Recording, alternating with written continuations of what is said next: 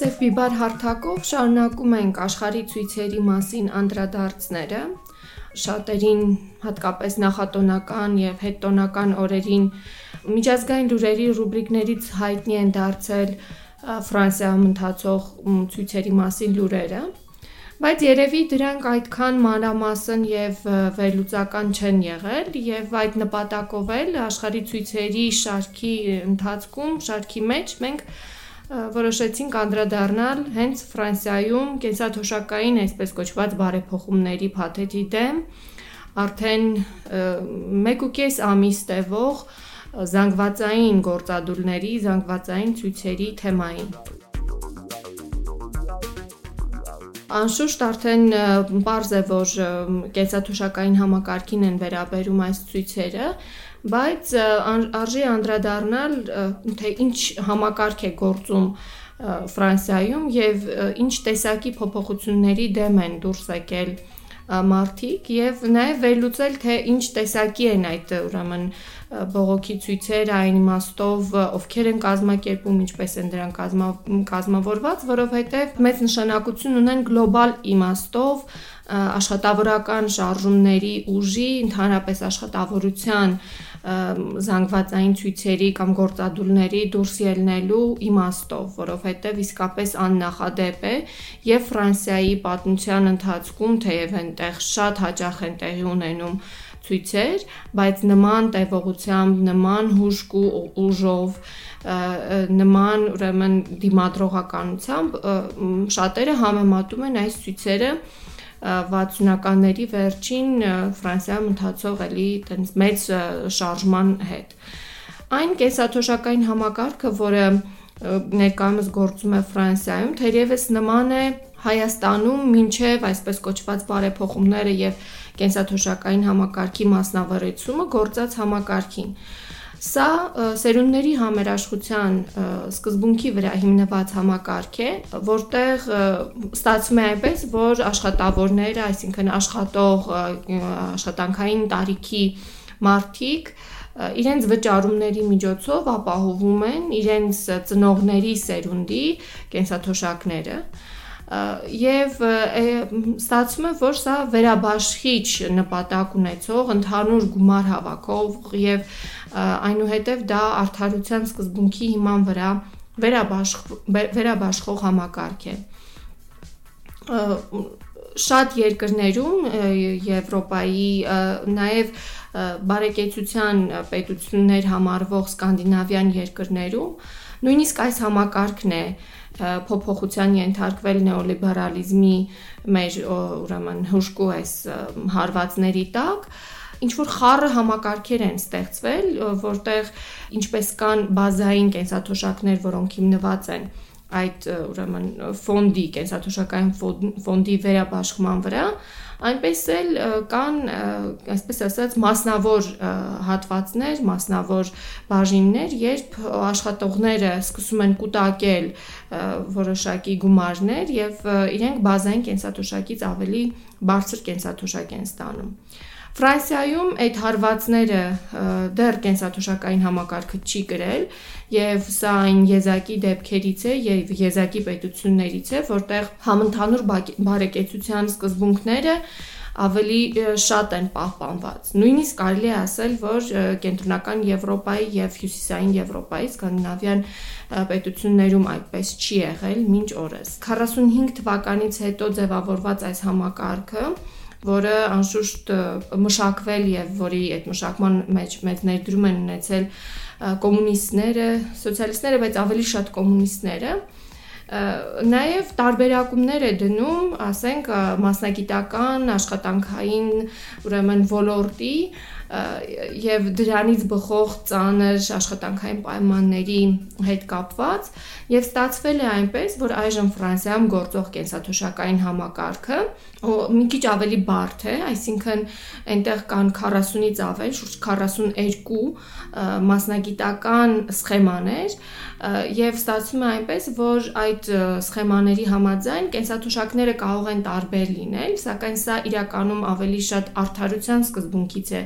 ելնում ոչ թե հարստության կամ բարձր աշխատավարձի հիման վրա է այն իմաստով որ տարբերակում կա թե ինչ ծանրության աշխատանք են տարել աշխատողները ովքեր տարիների ընթացքում վճարումներ են անում եւ հետեւաբար որոշակի ոլորտներում օրինակ կարող են լինել ավելի բարձր կենսաթոշակներ, որոշակի ոլորտներում նույնիսկ կենսաթոշակային տարիքը կարող է տարբեր լինել ըստ էության սրանք 42 տարբեր ուրեմն ճյուղային ոլորտների են բաժանված։ Եվ ներկայիս ներկայացվող ռեֆորմների համաձայն պետք է ընդհանրապես ջնջվեն այս տարբերակումները, պետք է լինի ունիվերսալ մեկ կենսաթոշակային համակարգ, մեկ այսպես կոչված գանձարանով եւ ներկայացվում է, որ պիտի այլևս աշխատողները բալային համակարգով, բալեր հավաքելու միջոցով ձևավորեն իրենց ապագայի կեսաթոշակները։ Ինչն է այստեղ վտանգավոր, որ եթե ներկայում ներկայիս համակարգի սկզբունքն այն է, որ աշխատողը ապագայում իր կենսաթոշակը ստանալու է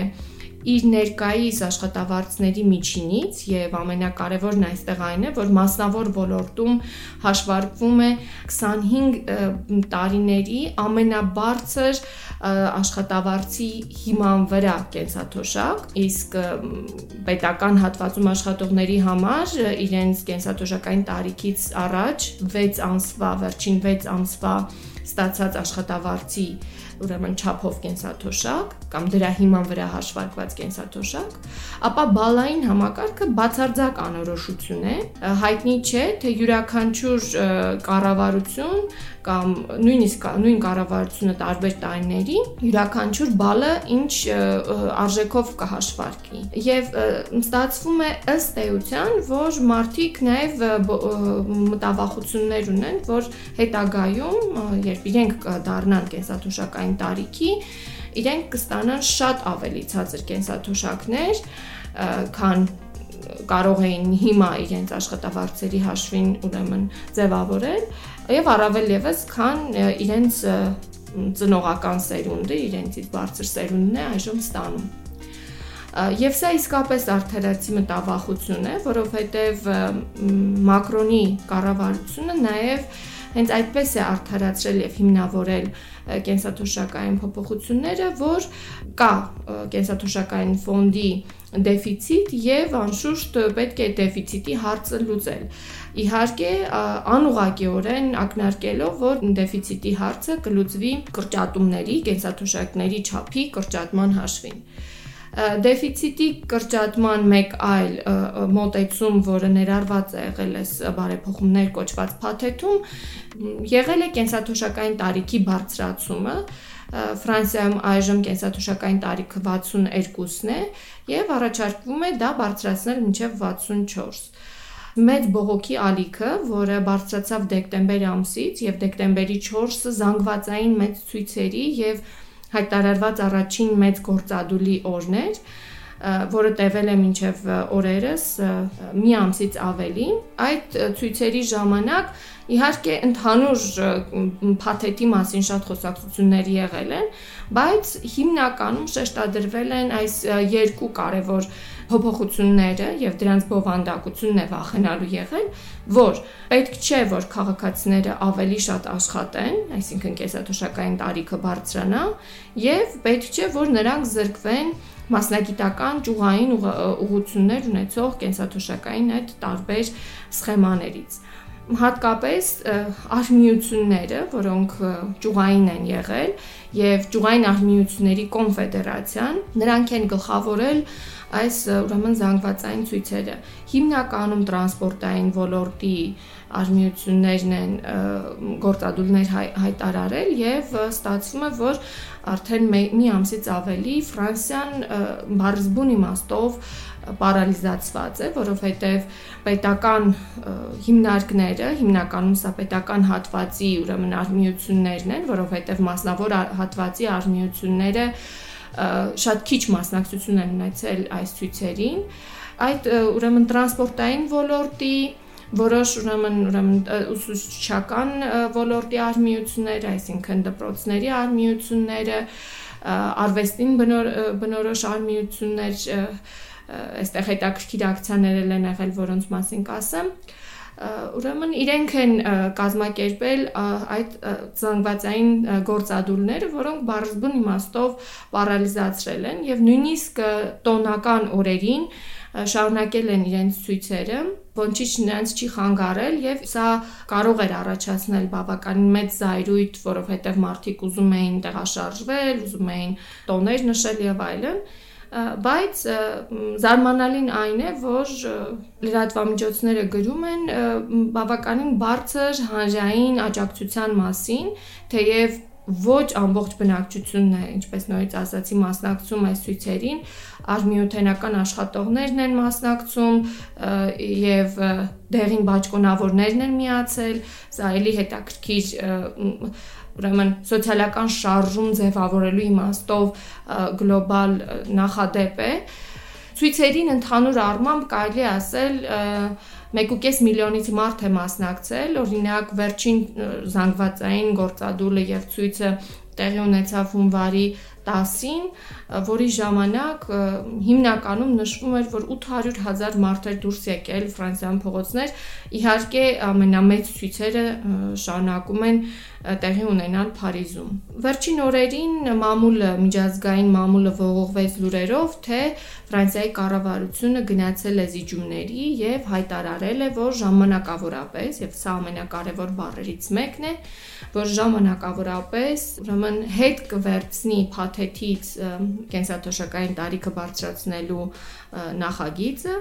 սակայն ըստ էության միջազգային այս լուրերից վրիպում են այն մանրամասները եւ վտանգավոր կետերը, որոնք վարչապետ Էդուարդ Մորիսի այդ զիջումներ գնալու հայտարարության մեջ կային։ Եվ ստացվում է այնպես, որ այս ուրեմն շարժումը հնարավոր է, որ նույնիսկ չի էլ դաթարի։ Ինչ էր առաջարկը կառավարության Ֆրանսիայի, որ մինչև ապրիլ այսպես կոչված բանակցություններ տեղի ունենան արմիութենական կազմակերպությունների, միությունների եւ բիզնես ոլորտի միությունների միջև եւ բանակցությունների ժամանակ փորձեն հնարավոր լուծումներ գտնել կենսաթոշակային ֆոնդի դեֆիցիտի հարցին սա էլի եւ ժամանակը հետաձգելու եւ շարժման թափը կոտրելու եւ միգուցե նաեւ համոզելու եւ այդ համոզելու ընթացքում տարբեր հնարքներ բանեցնելու մի փորձ է ընդհանուր առմամբ կենսաթոշակային համակարգի առաջարկվող փոփոխությունները նպատակ ունեն դեպի ավելի նեոլիբերալ կազմակերպման տանել այս համակարգը, այսինքն իջեցնել կենսաթոշակները, հասցնել դրանք կառավարելի մակարդակի, երբ հնարավոր է առանց տարբերակումների, առանց այդ բարդ համակարգի կարողանալ որոշումներ ընդունել դրա հետ կապված եւ ի վերջո շատ հետաքրքիր է, որ այդպիսի դեպքում հնարավոր է լինում նաև տանել կենսաթոշակային ֆոնդերի մասնավորեցման, ինչը տեղի ունեցավ Հայաստանում։ Այս պատմության մեջ իհարկե շատ ողջևորիչ է Ֆրանսիայի ժողովրդի այս դիմադրողականությունը եւ պայքարը իհարկե մակրոնի կառավարությունը չի զլացել անվանարկումներ անելու հիմնականում ասելով որ սրանք իրականում իրենց շահից դրթված ուրեմն մարդիկ են, իրենք չեն ուզում իրենց կենսաթոշակների չափից հրաժարվել կորպորատիստ, այսպես ասած, հա, ցուցարարներ է անվանել Մակրոնը Դա պայմանավորված է նրանով, որ այո, ասենք օրինակ հրշեջները գիտակցում են, որ իրենց ծանր աշխատանքը պիտի ըստ իրենց այդ աշխատանքի ծանրության գնահատվի եւ համապատասխան կենսաթոշակ ստանան եւ միգուցե նաեւ ավելի շուտ կենսաթոշակի անցնեն նույնը վերաբերվում է գրեթե այդ 40 տարբեր այլ ճյուղային ոլորտի աշխատողներին բայց նենգափոխելով է անշուշտ Մակրոնի կառավարությունը այս ամեն ինչը ներկայացնում հետաքրքիր է օրինակ արվեստի ոլորտում մասնավորապես բալետի ոլորտում նույնպես գործող կենսաթոշակային սխեմա կա եւ ցույցերի ժամանակ բալերինները ապարել են պարզապես բաց տարածքում ցույցերի ընթացքում այդպեսով նաև արտահայտելով իրենց բողոքը Ասացի, որ անձամբ ես գնահատում եմ այս ցույցերը շատ ողջևորիչ, այն իմաստով, որ երկար ժամանակ աշխատավորական ուժերի եւ կազմակերպությունների այսպիսի հուշկու կազմակերպված շարժում աշխարհում դեռևս չկար եւ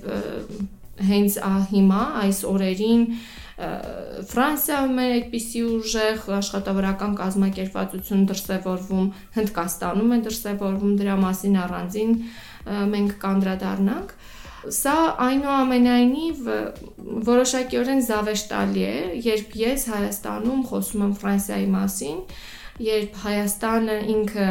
ենթարկվեց շուրջ 10 տարի առաջ սարսափելի հարվածների եւ մեր կենսաթոշակային համակարգը մասնավորեցվեց եւ այժմ մեր վճարումները, որոնք մենք հիմա կատարում ենք մեր կենսաթոշակային համակարգի համար,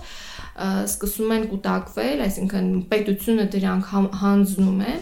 մասնավոր ուրեմն ֆինանսական կազմակերպությունների, որոնք այսպես ասած ուրեմն ակտիվների կառավարիչներ են կոչվում եւ իրենք կառավարում են մեր փողերը, ինչեւ մենք կդառնանք կենսաթոշակային տարիքի։ Եվ սա լուրջ մտահոգություն է բազմաթիվ առումներով, որի հետ կապված դեմ եմ շարժման ժամանակ որոշ մտահոգություններ հնչել են, բայց այնուամենայնիվ չարժումը Հայաստանում չի շարունակվել, մարել է եւ ստացվում է այնպես, որ ըստ էության չի հասել զգալի զգալի հաջողությունների։ Ինչու եմ Հայաստանը հիշատակում, որովհետև զավեշտալի է, որ Ֆրանսիայում մարդիկ պայքարում են, որ เป զի